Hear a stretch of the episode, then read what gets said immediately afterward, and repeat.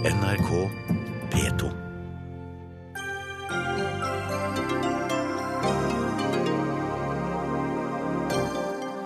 Politimesteren i Oslo vil ha ny etterforskning av Scandinavian Star-ulykken. Ekspertgruppas rapport er ren hvitvasking av den tidligere etterforskningen, mener forfatter Kjell Ola Dahl. EØS-avtalen er 20 år og hadde fortjent feiring med kake og lys, mener økonomiprofessor. Nei, avtalen bør sies opp, mener Senterpartiet. Monarkiet pakkes inn i myter for å overleve som styreform.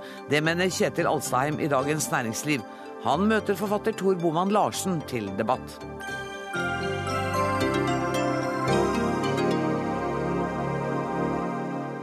Dette er Dagsnytt 18 fredag 13. juni, og i løpet av den neste timen skal vi også møte den nyutnevnte nobeldirektøren Olav Njølstad. Men først. Det som begynte som en helt vanlig danskebåttur fra Oslo til Fredrikshavn, endte i et branninferno natt til fredag 7. april 1990. 159 mennesker døde, og de etterlatte og overlevende har siden kjempet for å få vite sannheten om hva som skjedde den natten. I dag anbefalte politimester i Oslo at deler av etterforskning gjenopptas. Likevel er du skuffet, forfatter Kjell Ola Dahl. Du har skrevet boka 'Dødens seilas' om, om Scandinavian Star-ulykken.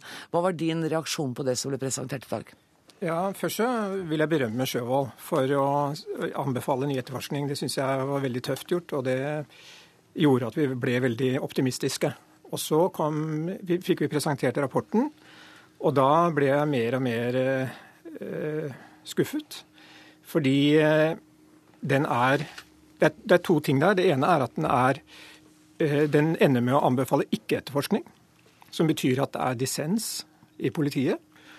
Eh, som er veldig uheldig. For selv om nå Sjøvold anbefaler ny etterforskning, så er det da Riksadvokaten som eventuelt avgjør dette. Han var jo statsadvokat i 1990. Eh, og han forsvarte den etterforskningen den gangen. Eh, vi har da fått en rapport som er veldig negativ, og som, eh, og som er på en måte en slags, etter min mening, en slags hvitvasking av den, den etterforskningen som foregikk da i 1990. Men det du sier nå, det mistenkeliggjør jo de elleve ekspertene som har jobbet med denne 200-siders rapporten, og med alle data de kunne finne, i ni måneder. Ja, altså mistenkeliggjøring og mistenkeliggjøring. Jeg må bare forholde meg til det som står der. Og øh, jeg vet jo at det er øh, kommet Altså stiftelsen har jo forsynt disse med, med masse materiale. Og når jeg leser om det i rapporten, så er noe av det de ikke har tatt hensyn til, og noe som de bevisst utelater. Så jeg, jeg vet ikke hvorfor, men jeg vil ikke, vil ikke, si at det er en mistenkeliggjøring. Jeg syns at den er for negativ, og det er for dårlig utgangspunkt videre, syns jeg. Tror du på at det blir gjenopptatt en etterforskning? tør jeg ikke, tør jeg ikke spå. Jeg tror, jeg synes, som jeg sier, jeg syns det er veldig, veldig bra at vi har en politimester som står opp mot den rapporten. som og som, som, anbefaler etterforskning. Han gjør jo det av, som han sier, av hensyn til etterlatte og, og elementer som ikke er etterforsket godt nok den gangen. og Det syns jeg er veldig bra. og Da er det håp i von i hangende snøre, som det heter.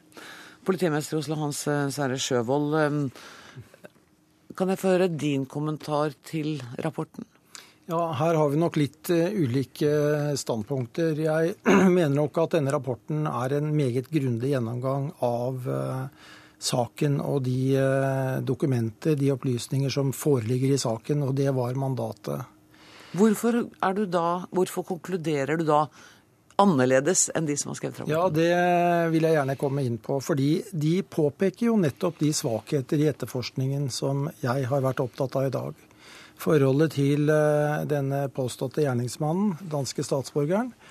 Og det som også har kommet fram nå i den siste tiden, og som ikke er omtalt noe særlig i rapporten, det er jo hvilke vurderinger som ble gjort den gangen når det gjaldt å vurdere mulige økonomiske motiver bak denne, denne brannen. Så det er den delen du vil gjenåpne? Du vil ikke gjenåpne en full, bred etterforskning?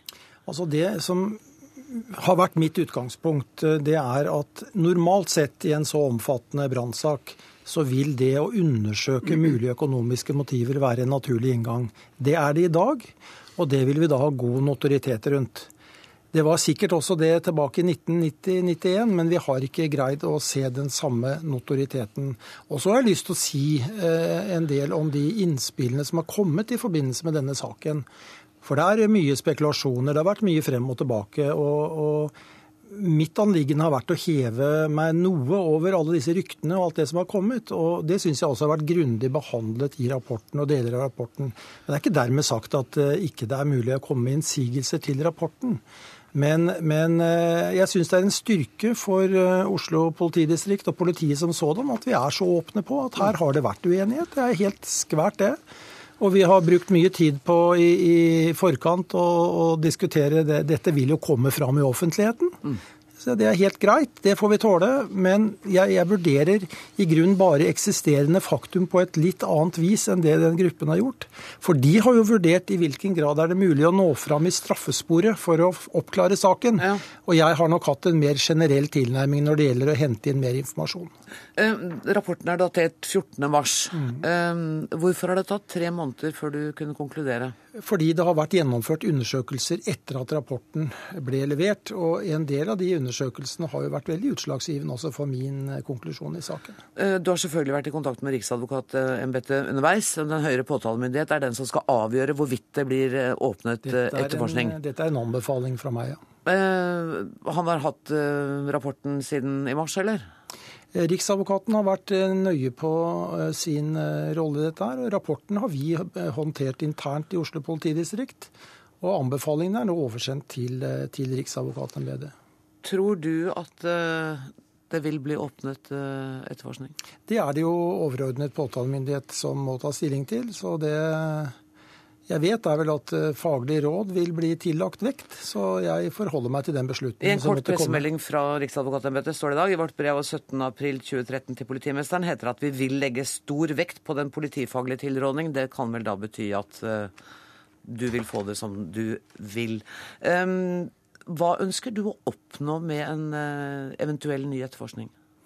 Jeg ønsker å oppnå, eh, dersom det er mulig, og det har jeg vært nøye på å si i dag, hvis det er mulig å hente inn mer dokumentasjon, mer fakta, som kan kaste lys over denne saken, så mener jeg at det er, eh, er eh, viktig, et viktig formål med etterforskningen. Men det er ikke dermed sagt at vi kommer i mål med denne saken. Her har jeg vært nokså nøye på å beskrive de begrensninger som ligger der. For det har gått lang tid, og mange bevis er sannsynligvis også borte.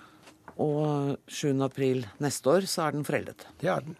Grete Holen, eh, du var en av de som overlevde denne tragedien. Aller først, Du har vært til stede i dag. Hvordan har du reagert på eh, politimesterens redegjørelse i dag? Altså, Jeg, jeg syns det har vært en, en blandet opplevelse. Men, men, på politimesterens eh, redegjørelse og den holdningen som, som du har vist, og den begrunnelsen du har gitt for din anbefaling videre, den har jeg satt fantastisk, eh, den har jeg satt stor pris på.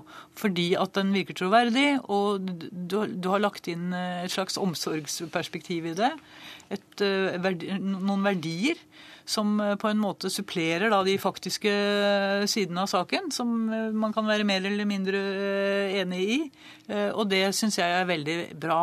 For jeg er eh, Mitt engasjement er både å ha vært med og være veldig sterkt involvert, selvfølgelig, men også eh, enormt opptatt av at, vi, no, at man skal lære av dette. Mm. Og at man skal også forebygge eh, fremtidige katastrofer ved dette. Og at man også om mulig skal forebygge at noen eventuelt kan gjøre, bidra til at noe sånt skjer. Nå vet vi jo ikke konklusjonen ennå, men, men i hvert fall så oppfatter jo jeg at det kommer et signal signal fra Oslo politi i dag om at ja, vi må finne mer ut av dette. Og, og da håper jeg jo at en del av det handler om at dette, sånn, sånn vil vi ikke ha det.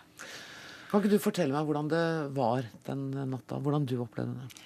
Ja, dette var jo selvfølgelig en uh, veldig Det var en skjellsettende opplevelse i mitt liv. Jeg overlevde og kom jo uh, sånn sett helskinnet ut av selve opplevelsen, men det var jo flaks, og det var jo et, en tilfeldighet at det ble sånn. Jeg byttet til og med lugar. og, og, og hadde jo Hvorfor byttet du lugar? Ja, fordi at vi opplevde Jeg kjente jo i utgangspunktet ingen. Nå syns jeg jo jeg kjenner alle involverte. både over andre overlevende og etterlatte.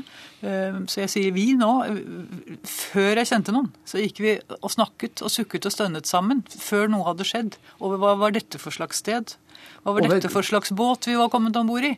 Uh, og, og, fikk jo egentlig bekreftet det da jeg fikk, kom til lugaren min, hvor jeg ikke fikk nøkkel til lugaren og sånn. Så, sånn. Sånne små ting som jo egentlig ble da veldig avgjørende for meg. For, for, en lugar uten nøkkel, som jeg aldri fikk nøkkel til, den kunne ikke jeg bo i, syns jeg. Og, og byttet til lugar og fikk jo kranglet meg til av en ny lugar med, med nøkkel. Nøkkelen til livet, som jeg kaller den. Eh, lugar nummer 500. Som da var på et uh, sted hvor det pga. kanskje nye tilfeldigheter eh, gjorde at det var mulig å komme ut i tide. Eh, så, så, det var sånn sett dramatisk nok. Ingen brannalarm, alt dette som vi jo har lest og hørt om. Eh, ingen redningsvester, ingen styring og, og på noe som helst. Ikke noen mennesker som kunne veilede. Så det, det ble litt kaos. Men du hadde lagt deg? Jeg hadde lagt meg og hørte bråk i korridoren, eh, som jeg da trodde var sånn danskebåtfyllebråk, og skulle ut og kjefte litt på det. De som kjenner meg, de syns sikkert det var naturlig at jeg ville.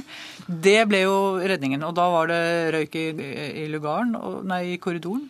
Og jeg vekket den som, lå, som jeg ikke kjente da, som lå i samme lugar som meg. Og vi eh, foretok oss jo litt sånne ting, og så kom vi oss ut og, og, og opp på, på dekket. Jeg, jeg vetet et håndkle som jeg tok rundt halsen, og sånne instinktive ting som man har lært. Overlevelsesmekanismene ja, var liksom Ja, pakket i bagen min. Det var ikke så lurt sikkert, men eh, det var den eneste jeg på det tidspunktet kjente om bord. Bagen. Så, så, jeg tok med meg den kjenningen, og så kom vi oss opp og ut, og etter hvert i livbåt som det da var hull i, og ble hengende fast på, på siden. Det var ikke noe Det var en vond og vanskelig opplevelse, men det har ikke gått ordentlig opp for meg før etterpå, hvor krevende dette egentlig var. Mm. For noen år siden så sa du i et intervju i Dagsavisen at eh, ja, det er en glede over å leve, men det er men også en skyldfølelse. Ja, veldig. Jeg har uh, hatt mye skyldfølelse for, nettopp fordi jeg opplever det som så uh, hele, hele, hendelsen så, uh, var så katastrofal, og den var kanskje også en forbrytelse. Det gjenstår jo å få bevist eventuelt. Men den, det var så tilfeldig hvem av oss som da faktisk fikk nøkkelen til livet. da. Så dermed så, så blir Den gleden har aldri vært der ordentlig. Eh, men det har jo vært en, eh, en utrolig rik eh, opplevelse å få, å få bli, være med i en del av den prosessen etterpå. da. Mm. Bli kjent med folk, kunne liksom dele ting og, og prøve å bidra til at da noen lærte noe av dette. Og Arne Steen, det har du også gjort. Du var pårørende, og du er leder for stiftelsen Etterforskning av mordbrannen Scandinavian Star. Hvordan har du reagert på det du har fått vite i dag om rapporten og om politimesterens beslutning? Ja, det har vært en blandet opplevelse vi har hatt i, i dag. Vi også setter jo veldig stor pris på uh, politimester Sjøvolds uh, innstilling til denne saken. Vi har jo hatt et godt samarbeid med Sjøvold hele, hele veien etter at vi fikk denne kontakten i mm. fjor. Eh, men eh, da vi fikk eh, rapporten på bordet Nå har vi jo ikke fått anledning til å lese hele denne rapporten, den er jo på nesten 200 sider. Ja. Men vi har jo bladd litt lest konklusjonen? Vi har jo lest konklusjonen, mm. og vi har og vi har uh, hørt uh, Mens du skrur av telefonen, så snakker jeg litt med, med Sjøvold. Ja. Um, ja, nå er han. Ok, da kan du fortsette. Eh, men vi har jo merket oss en del av innholdet i rapporten. Så dere vil fortsatt ha en full etterforskning? Ja, vi er veldig kritisk til en del av det som står i denne rapporten. Vi kalte den eh, internt i stiftelsen i dag, jeg tillater meg å referere det, for en tynn suppe. Og eh, det står jo litt i litt kontrast til hva som er blitt sagt av andre, at det er en veldig god rapport. Vi mener at den inneholder en del unøyaktigheter, og vi har også påvist direkte feil. Og det vil vi da komme med innspill overfor Oslo politidistrikt på det vi mener er eh, ikke holdbart i, i, i rapporten. Og eh, så får vi se. Vi, eh, vi var iallfall veldig skuffet over, over rapporten, og vi var veldig glade for innstillingen fra politimesteren. Eh, Kjell Ola inneholder rapporten noen nye opplysninger i forhold til de du hadde tilgang på da du skrev døden seilas'? Eh, både ja, ja, altså ja. Enkelte visse ting. Eh, men jeg syns altså Spesielt da så er det dette er hydraulikkrøret, hvor de har et dokument som ikke jeg hadde. Men jeg syns at det dokumentet leses litt feil, da. Eh, på den annen side så er Dette er det hydraulikkrøret ja. som var bøyd, ja. og som man mener kan, nå eh, var bøyd fra fabrikkens side? Eh, Nei, at, de, at det var noen reparatører som, som hadde osv. Men, men, men det er litt unøyaktig. Men jeg er også veldig glad for at de går inn på mange av de momentene som jeg hadde når det gjaldt økonomien. Det syns jeg er veldig fint. Bl.a. blant annet eh, fikk jeg bekreftet av politiet at denne her famøse overdragelsessummen på bare 10 dollar. Og Det syns jeg er veldig flott at politiet dokumenterer. Men jeg er veldig litt skuffet over at de ikke går inn i, i skatteproblematikken. Eh, Hvorfor gjør dere ikke det? Ja, altså, Det som er viktig å få fram, er jo at dette er en gjennomgang av eksisterende dokumentasjon. Eh, hvis, skal, eller, hvis, det blir en ny etterforskning, så må vi jo da gå inn og prøve å finne svar. Vi, vi er jo ikke der ennå.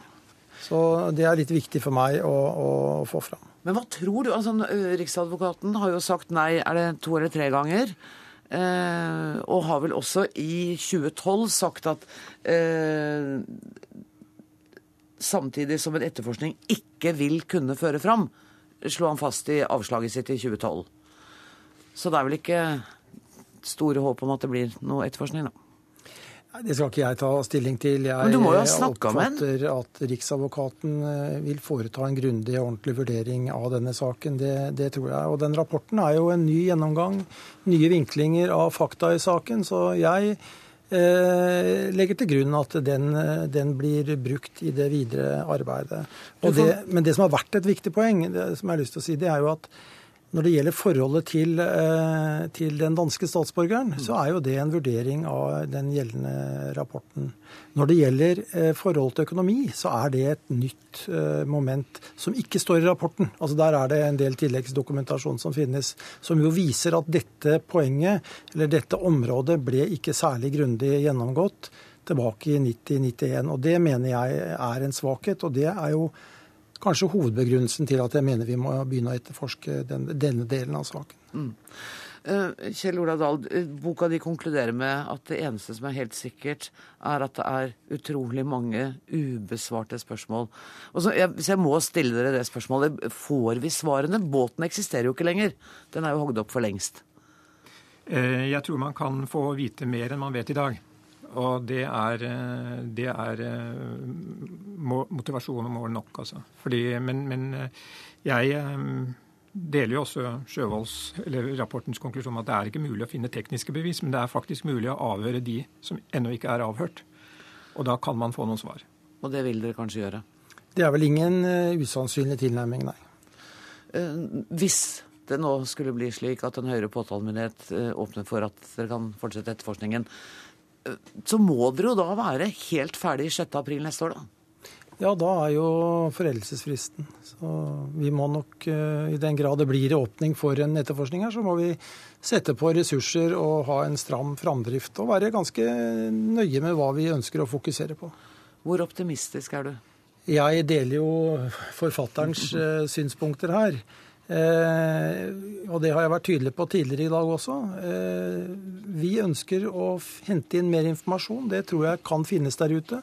Men om vi ender opp med et svar på hva som skjedde, ja, det er jeg ikke så sikker på vi kan få til. Men det må jo da etterforskningen vise. Mm. Det kan hende at det ikke er siste gang vi ses i dette studio om denne saken. Dere skal ha takk for at dere kom i dag, Hans Sverre Sjøvold, Kjell Olav Dahl, Arne Steen og Grete Holen. Dagsnytt 18 alle hverdager klokka 18. På NRK P2 og NRK2.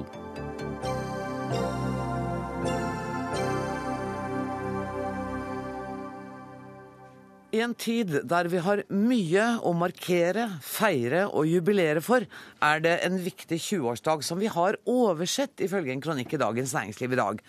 Og vi skal få et lite gjenhør med statsministerens nyttårstale fra 1994. I dag har EØS-avtalen trådt i kraft. Den vil bety mye for de mange som arbeider i bedrifter som selger varer til andre land. Nå kan de konkurrere på like fot i alle land i Vest-Europa.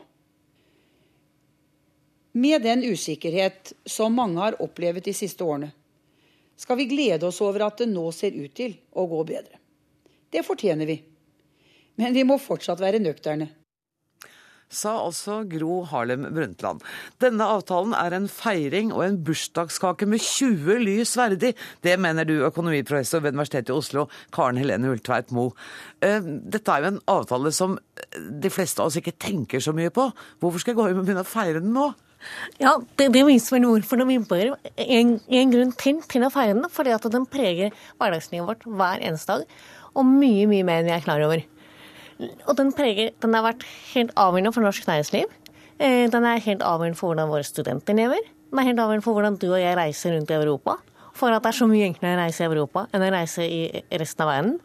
Eh, og jeg pleier alltid å si at man glemmer helt hvordan det var.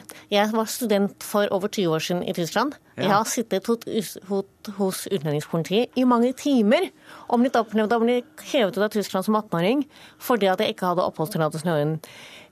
Så det er fri mobilitet ja. av både mennesker og bedrifter og kapital skal ikke undervurderes. Og så er det så må vi jo huske på, for en uke siden så hadde Dagsrevyen store oppslag rundt D-dagen. Dette som markerte slutten, eller begynnelsen på slutten av en annen verdenskrig. Mm. EØS-avtalen det er vår lille fot inn i det systemet som er satt opp for at vi aldri mer skal ha kriger i Europa. Det er viktig. Det har vært en feiring. Anne Beate Tvinnereim, andre nestleder i Senterpartiet.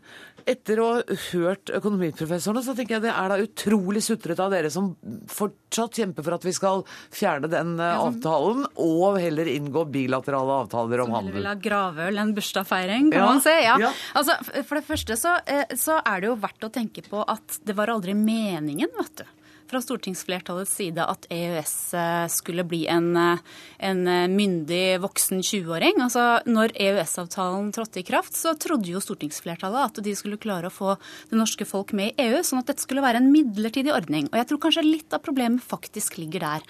Fordi eh, denne avtalen har enorme svakheter, veldig stort demokratisk underskudd, og den har vokst over sine bredder og blitt noe mye, mye mer omfattende enn det vi trodde, og det vi ble lovt i eh, 92 eller 94 når det trådte i kraft, 92 når den ble debattert i, i Stortinget. Sånn at eh, jeg tror at eh, at uh, de svakhetene ble ikke tatt på alvor den gang. De, uh, det ble heller ikke en skikkelig debatt uh, som folket fikk på en måte være med på den gangen. Fordi at når Stortinget ble satt sammen etter valget i 1989 da sto ikke dette på dagsorden. Ikke det var ingen som diskuterte EØS-avtalen og de enorme, eh, omfattende endringene det ville medføre for Norge. Og så plutselig, i 92, så vedtok Stortinget eh, at vi skulle bli medlem av EØS, som har fått enorme konsekvenser for for, eh, for, Norge og for nordmenn. Og der er vi helt enige, i hvert fall. Men, men uh, Karen Helene Ultveit Moe, du innrømmer jo også at den har et demokratisk underskudd? I den artikkelen? Ja, det er klart den har det. Ja. Eh, På hvilken måte? Altså, fordi at, fordi at vi kan ikke stemme. Vi er ikke med å stemme i EU. Uh, og det er klart et, et, et, et avbord. Uh, I mitt hode så er det på en måte bare et annet alternativ som kunne gitt oss den samme assosiasjonen, og det er et EU-medlemskap. Men det vil jo flertall i Norge. Det vil vi ikke ha. Nei. Så det er noe med, Man får ikke både i pose og sekk. Og så vet jeg at så er det mange som mener at ja, men la oss ha mange bilaterale uh, avtaler isteden. De vil ikke gi det samme. De vil ikke, for de tenderer til å ofte gripe fatt i f.eks. at det ikke skal være toll. Det som EØS-avtalen i norsk næringsliv, det handler ikke bare om toll. Det handler om produktstandarder, eh, like muligheter til å konkurrere på mange forskjellige måter av det vi på en måte kaller for ikke-tariffere, og, og, og, og, eh, sørge for at vi ikke har såkalte ikke-tariffere handelsbarrierer. Dvs. Si alle mulige sånne handelsbarrierer som ikke handler om toll, men som handler om det at flaskestørrelse, produktstandarder, at kontaktene ser forskjellige osv. Det er alle disse småtingene som gjør at det er veldig vanskelig for bedrifter å konkurrere eh, i andre land og få solgt tingene sine eh, til andre land eh, hvis, de har, hvis, ikke de er på plass. Så, Så det argumentet om at dette er en mastodont av en avtale som byråkratiserer og i enkelte tilfeller gjør livet vårt vanskeligere, det har du ingen sans for? Nei, og la meg nevne også, ikke sant? Et sted hvor det ofte da blir sagt at at det er et problem, er f.eks. norsk næringspolitikk. Mm. Det blir nevnt i hvert fall av, innimellom. Norsk næringspolitikk og regionalpolitikk. Der har vi en klar tendens. Vi hadde allerede før EØS-avtalen kom på plass, så beveget oss i den retningen som EØS-avtalen også da har dratt oss, ja. fordi at det har også vært trenden innenfor EU. Og det har på en måte gjort det mulig for eh, myndighetene å på en måte binde seg til masten og på en måte få et vern mot særinteresser. Eh, det har vært kjempeviktig. Men samtidig så har norske politikere brukt av Brussel som en syndebukk for det det har vært. Mm. Det gjør alle i EU. Men det gjør at det at Brussel mister jo, og EU mister jo anseelse av dette her, til tross for at det egentlig representerer noe veldig positivt for forbrukerne, nemlig et vern, overfor for skattebetalerne, vern mot særinteresser og vern mot sløsing med skattepenger.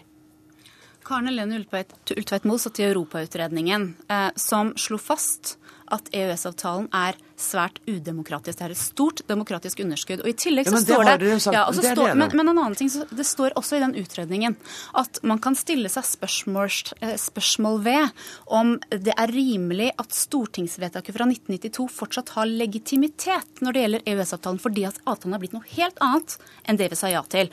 Og, og det jeg syns er litt underlig, er at ikke man tar den kritikken på alvor. Altså når, en, når Europautredninger slår fast at den er så udemokratisk, så må vi i alle fall ha en politisk debatt i dette landet om hvordan vi kan rette på de sakene. Ikke sant? Kan vi gå inn i en dialog? Kan vi gå inn i en reforhandling? Eh, eller, eller, finne et alternativ som gjør at vi i alle fall fikser de tingene som er så udemokratisk? Kan vi det? Også, også, altså, dette jeg satt i Europautredningen. Den ble da eh, den, eh, Vi fikk da vårt mandat under den forrige regjeringen. Hvor da Senterpartiet, SV og Arbeiderpartiet satt. Det var en utrolig merkelig offentlig utredning å være med på. fordi at nummer én så hadde vi fått et mandat om å da utrede betydningen av alle våre avtaler med EU. Derunder den viktigste EØS-avtalen.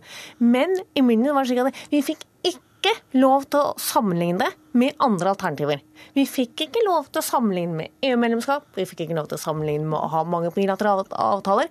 Det var noe av det som ble sagt av utenriksministeren da vi fikk mandatet. Men det er det og, du er og, fikk, og, og, nei, og, vi fikk, ble heller ikke bedt om å komme med anbefaling for fremtiden. Det er også helt uvanlig i denne typen sammenhenger når man har offentlig utvalg, for de kommer alltid med anbefalinger. Og, det, ja, så siste ting.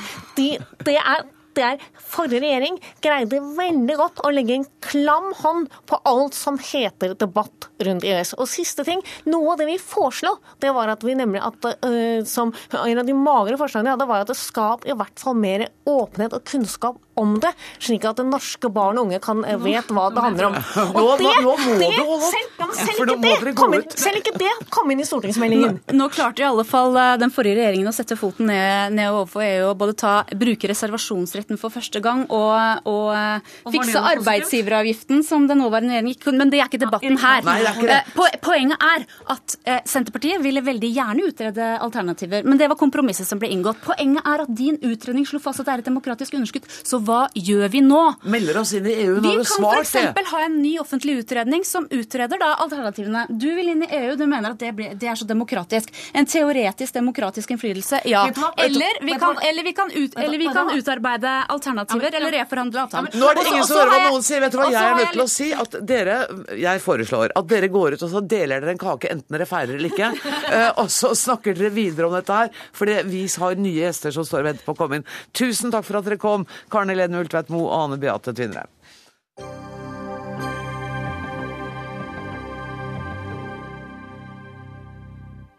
«200 utredninger og bøker, 30 seminarer, 200 frokostmøter, 1500 artikler.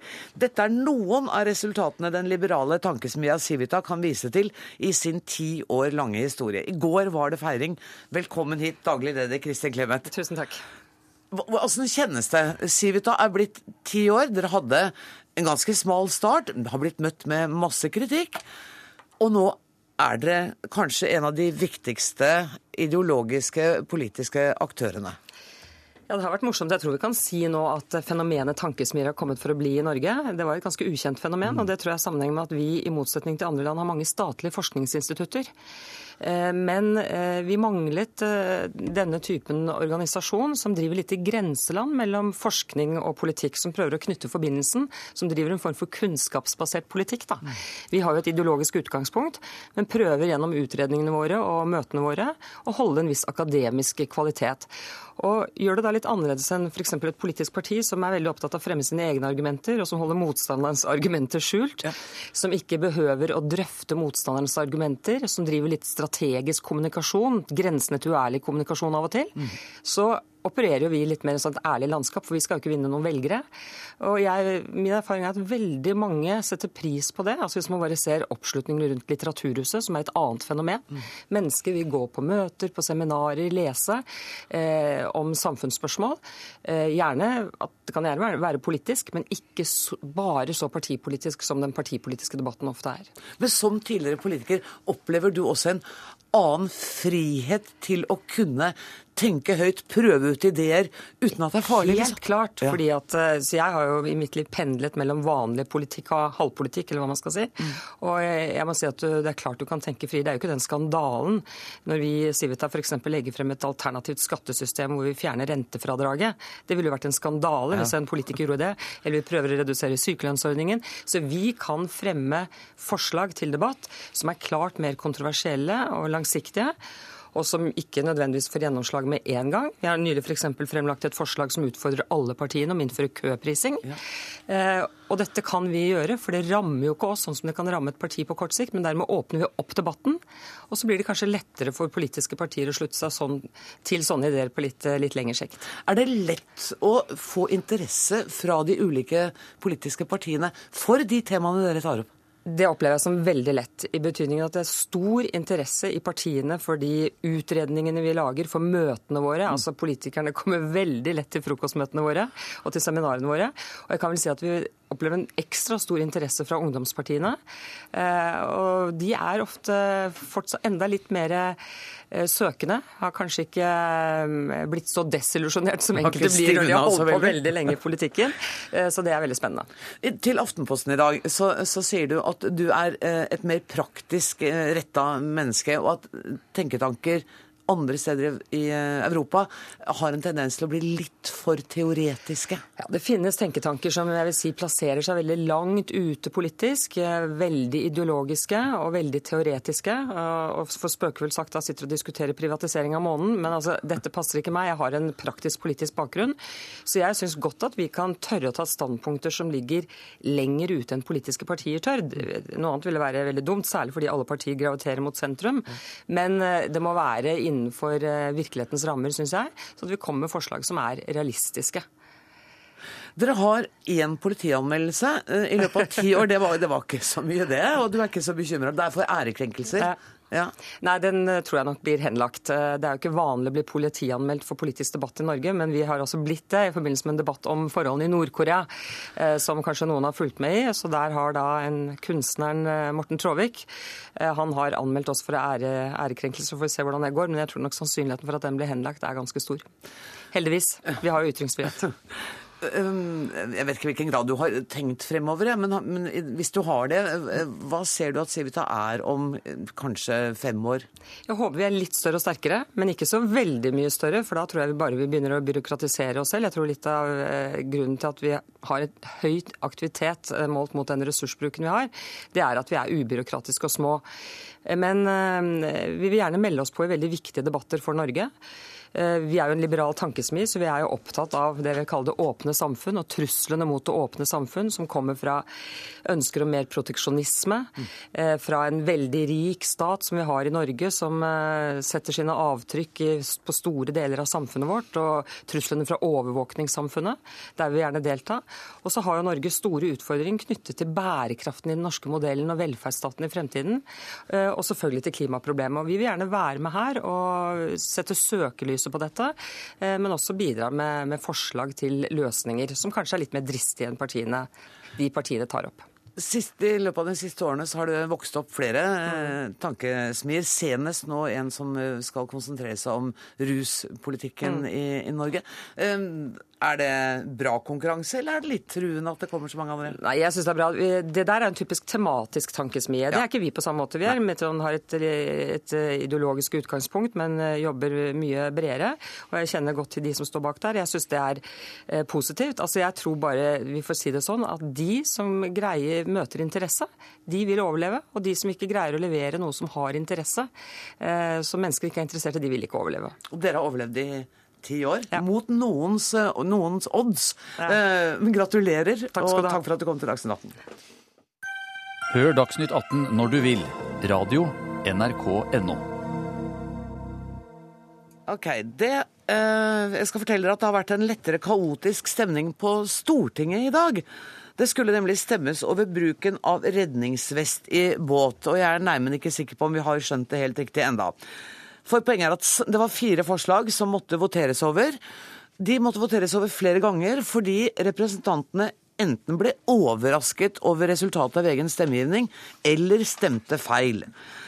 Og Det det skulle handle om, var altså endringer i småbåtloven. Resultatet ble et flertall for SVs forslag om å be regjeringen fremme et forslag som påbyr bruk av flytevest i fritidsbåter der det er barn i båten. Stortingsrepresentant for SV Jonny Ingebretsen, oppklar dette. Blir det påbud om redningsvest i båt der hvor det er barn om bord fra i sommer?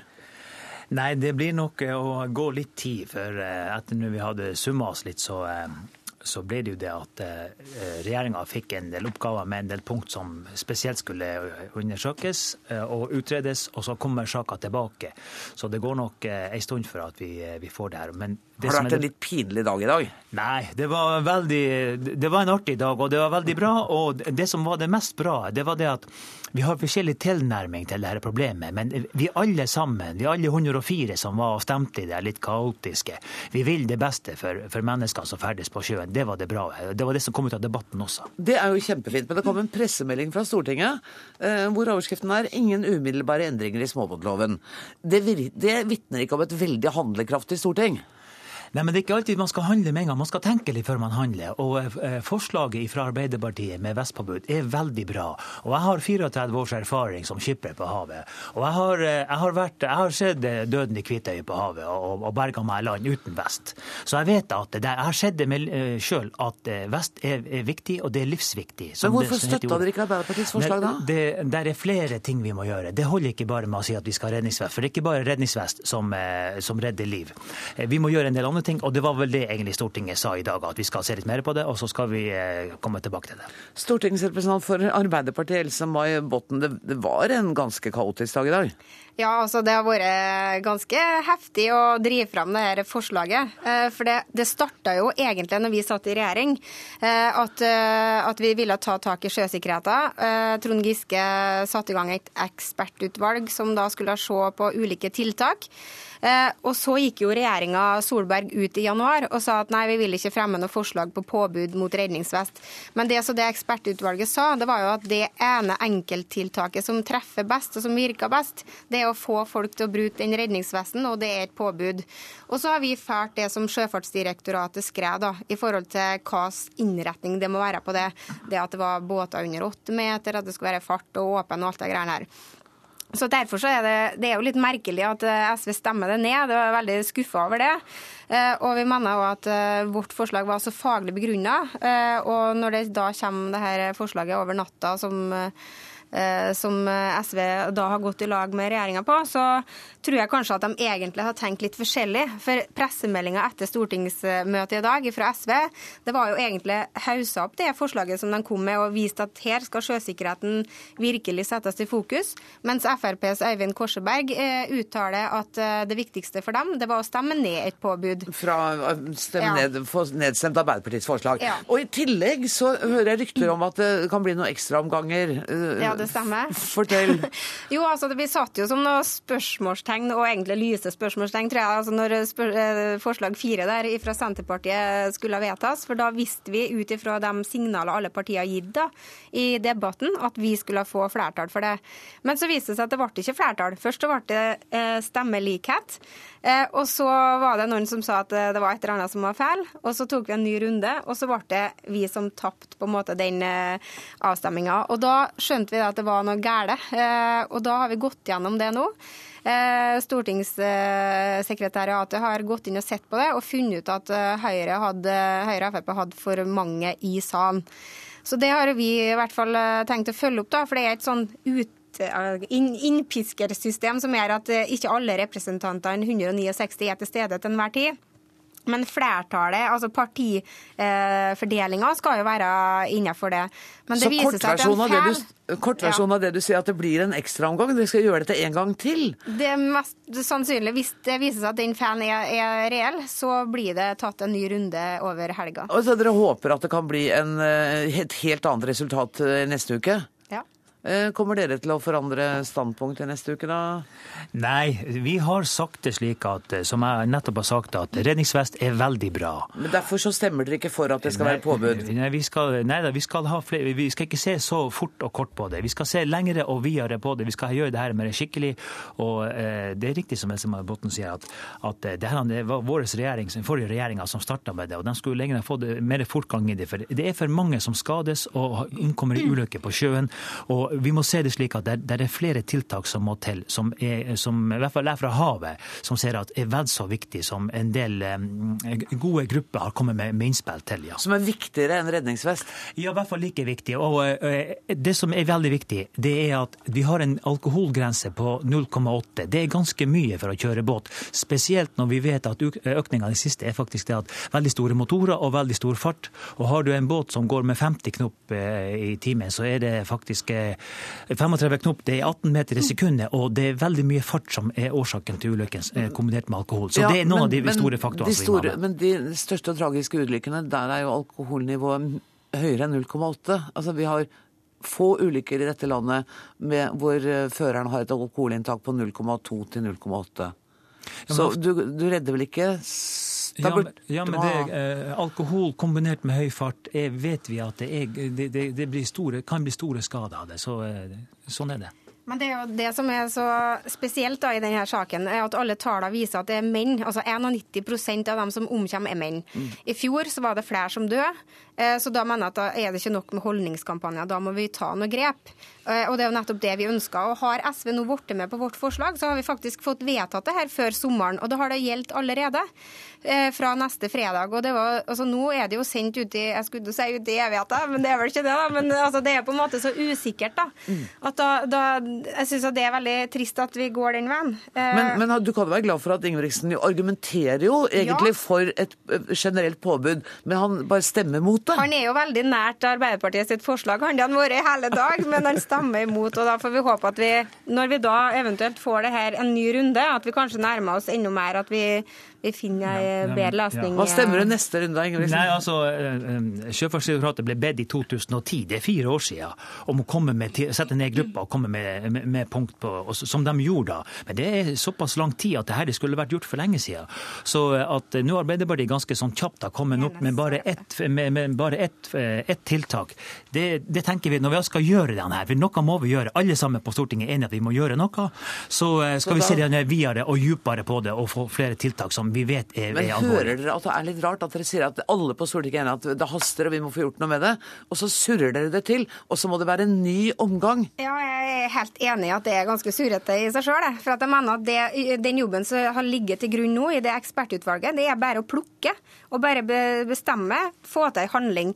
Men nå sendes det altså ut igjen på ny runde, eh, og gudene må vite når det her kommer tilbake. Vi har jo sagt at det må komme før jul, sånn at det i hvert fall er klart i neste runde. da, eh, som et, eh, ja. men, men vi mener at det treffer litt dårlig eh, i forhold til SV sitt forslag med kun retta til barn, når det er menn som dør. Vi, vet du hva? Vi snakker sammen igjen når det på den ene eller måte, annen måte er mer avklart hva som skjer. Tusen takk for at dere kom, John Ingebrigtsen og Else May Botten.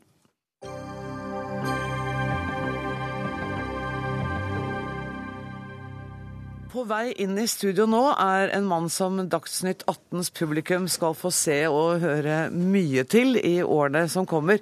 I hvert fall hvis han holder fast ved sin forgjengers medieprofil. Olav Njølstad, du er i dag blitt utnevnt som ny direktør ved Nobelinstituttet. Gratulerer. Tusen takk. Jeg bare måtte nevne din forgjenger Geir Lundestad allerede i introduksjonen, for han har i periodevis vært en svært hyppig gjest i dette studioet, og det håper jeg du også blir. Har du gjort deg noen tanker om at du nå ikke lenger bare er fagperson, men også får en offentlig rolle i profileringen av Nobelinstituttet? Ja, man må jo ha tenkt gjennom det for å søke den jobben. Hva tenker du om det? Eh, Nei, Det blir veldig spennende. Det blir en ny, uh, ny verden på mange måter. Uh, så nå er det ut av forskerkontoret. Uh, men det ser jeg fram til bare med, med forventning og spenning.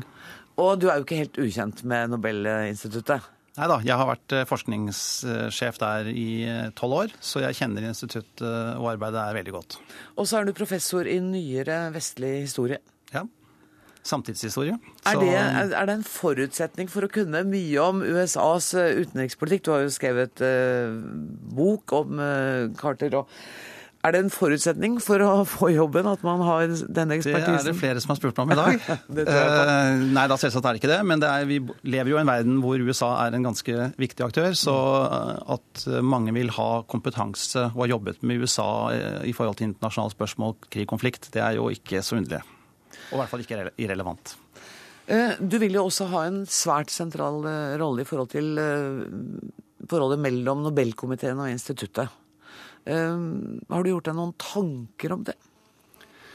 Ja, altså det er klart, det, er jo en ganske sånn klar todeling av oppgavene og ansvaret i denne stillingen. Det ene er jo å lede og administrere eh, instituttet og den virksomheten som foregår der. Eh, som har en utadrettet eh, side med seminarer og tale, konferanser og sånn, og et bibliotek som er fantastisk.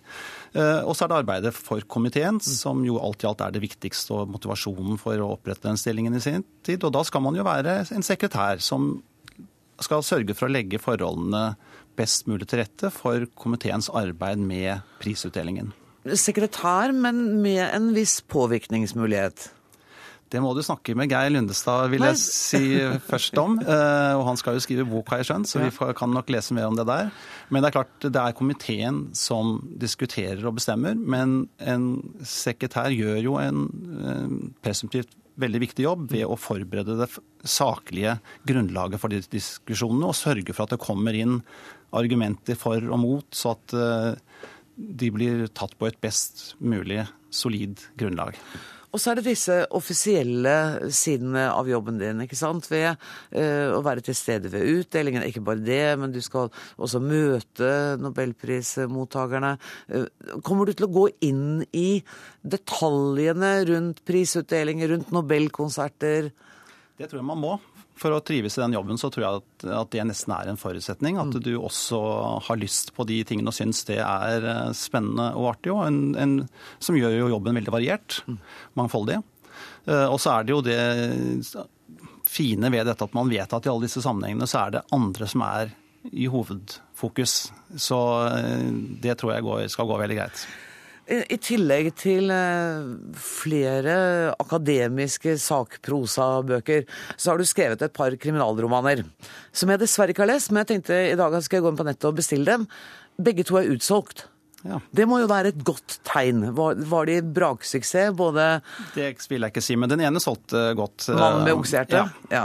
Eh, Og den andre heter Brennofferet. Den Ja. kom i 2005, Fem, tror jeg, Ja. Kan du skrive litt krim på si? Nå? Jeg, har, jeg skulle gjerne sagt ja til det, men jeg har ikke noen forventninger om det. Jeg har jo også skrevet uh, biografier. Ja, det har du. Eh, og, Hauges. Ja, og jeg, har, jeg er i gang med en biografi om Gro Harlem Brundtland. Er det en autorisert biografi? Det er det. Så du så samarbeider med Jeg samarbeider med henne, eh, og skal gjøre intenst arbeid nå de, de neste månedene, så jeg har fått gjort mest mulig med det før jeg tar fatt på Nobelinstituttet. Og hvilken dato er det du tiltrer? Det er første i første eh, 2015. Vi gleder oss til å se deg mye i dette studio og andre medier. Tusen takk for at du kom, Olav Njølstad, ny direktør ved Nobelinstituttet.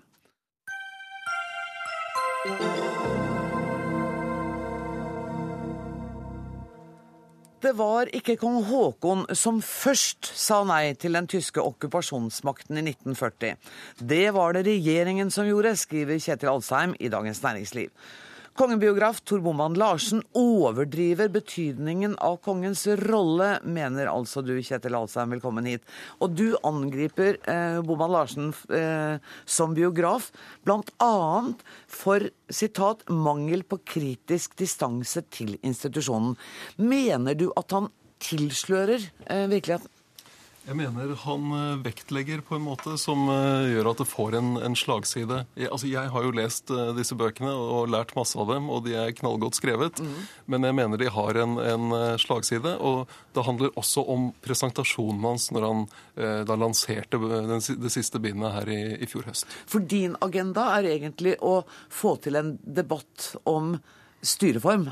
Ja, og da er det jo viktig å se på hvilke, hva er det vi bygger oppslutningen om monarkiet på. Eh, og to av de sentrale tingene som, som eh, gjentas eh, der, er for det første at det er et folkevalgt monarki.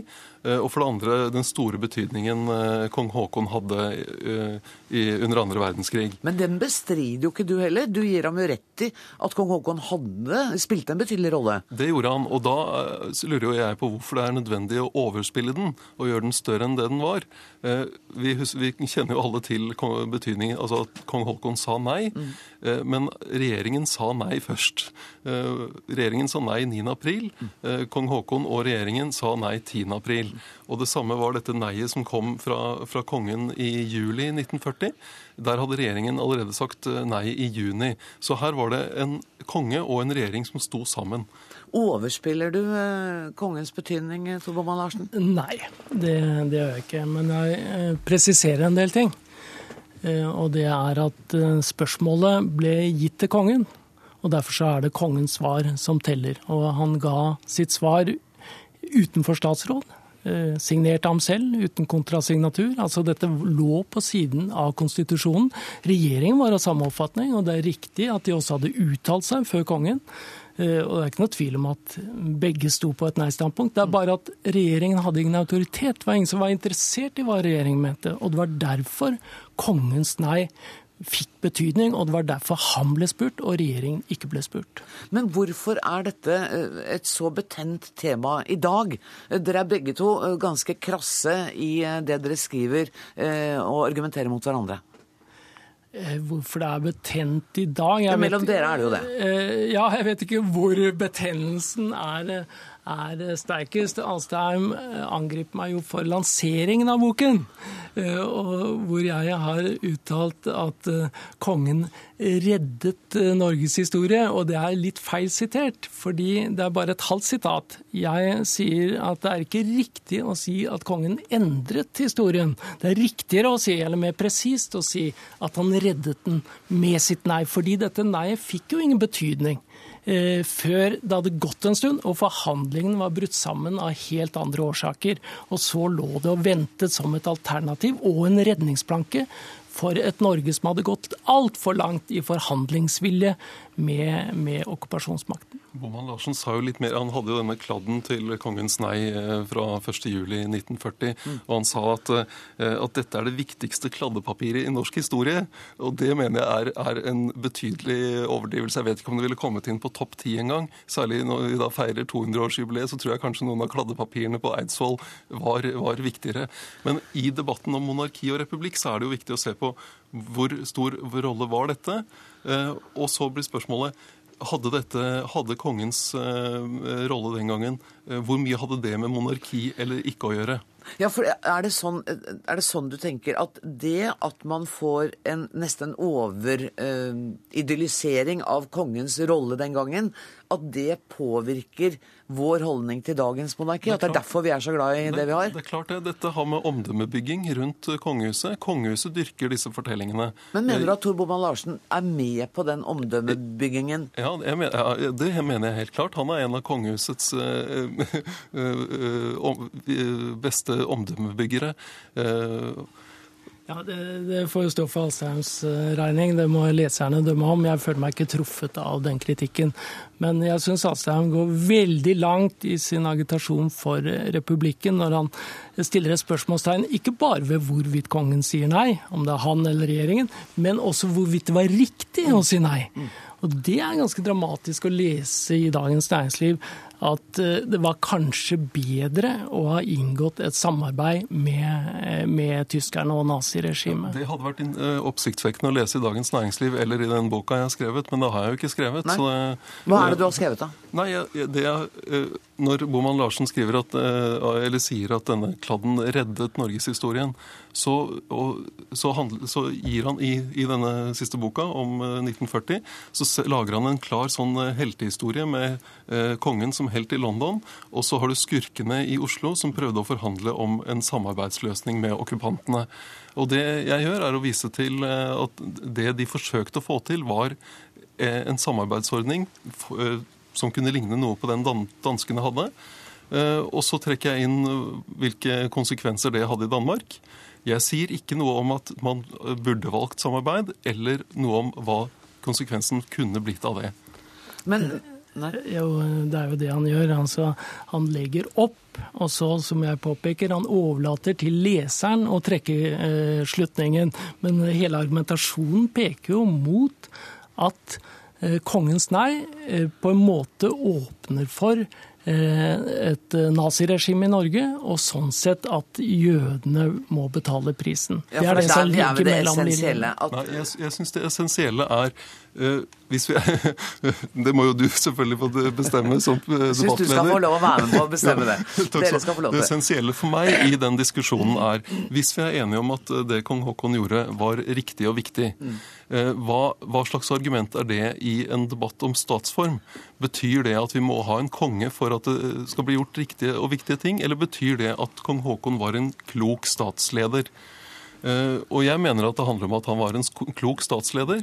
Og hvordan sikrer vi best mulig at vi får en, en, eh, et klokt statsoverhode? Og i alle andre deler av vårt demokrati så gjør vi det gjennom valg, mm. ikke gjennom at det går eh, i arv. Boman Larsen, ønsker du en debatt om styreform velkommen? Nei, altså ja eller Altså jeg ønsker velkommen at det reises kritikk mot, uh, mot monarkiet. Det, Hver institusjon bør fra tid til annen kritiseres. Men monarkiet står ikke på dagsorden i Norge. Altså Det er vår forfatning. Og en forfatning kommer først på den politiske dagsordenen når et samfunn er i krise. Og Sånn sett så er dette hypotetisk og teoretisk. Men kan ikke, kan ikke forfatningen diskuteres uten at vi er i krise, da? Jo, gjerne, ja, men, men, men også på den politiske dagsorden dagsorden. Det har jo vært partier som har det på i sine ja, ja. litt eh, sløve programmer, eller sovende programmer. Ja, det reises fra tid til annen, slik som denne boken også uh, tar opp spørsmål. Det er selvsagt helt legitimt. Men du syns det er en bagatell? Uh, statsformen er ikke en bagatell. Nei, men diskusjonen, da? Altså, det berører jo ikke de faktiske forhold. det skal en samfunnsomveltning til. Og det er jo Alstheim også inne på. Han gjennomskuer jo på en måte sitt eget prosjekt og ser jo at uh, dette endrer seg ikke bare fordi man kommer til en annen konklusjon. Dette er dype historiske og konstitusjonelle eh, realiteter vi snakker om. Boman Larsen har jo uttalt tidligere at det vil være gali-Mathias å avvikle eh, monarkiet i Norge, og at det er en del av identiteten ved det å være nordmann. Eh, men for meg så er en del av identiteten ved det å være nordmann er folkestyret og demokratiet som vi har utviklet de siste 200 årene. Og det er det vi feirer i forbindelse med grunnlovsjubileet. Og da syns jeg det var riktig å prøve å sparke litt liv i den debatten som ellers er ganske død. Og jeg håper at Dagsnytt 18 har bidratt til å opprettholde det livet, i hvert fall denne fredagen ut. Tusen takk for at dere kom, Tor Boman Larsen og Kjetil Alstadheim. Jeg skal bare helt til slutt fortelle at det var Alf Hartken som var sjef for denne sendingen. Det tekniske ansvaret har Lisbeth Sellreite. Jeg heter Anne Grosvold og ønsker dere en riktig god helg.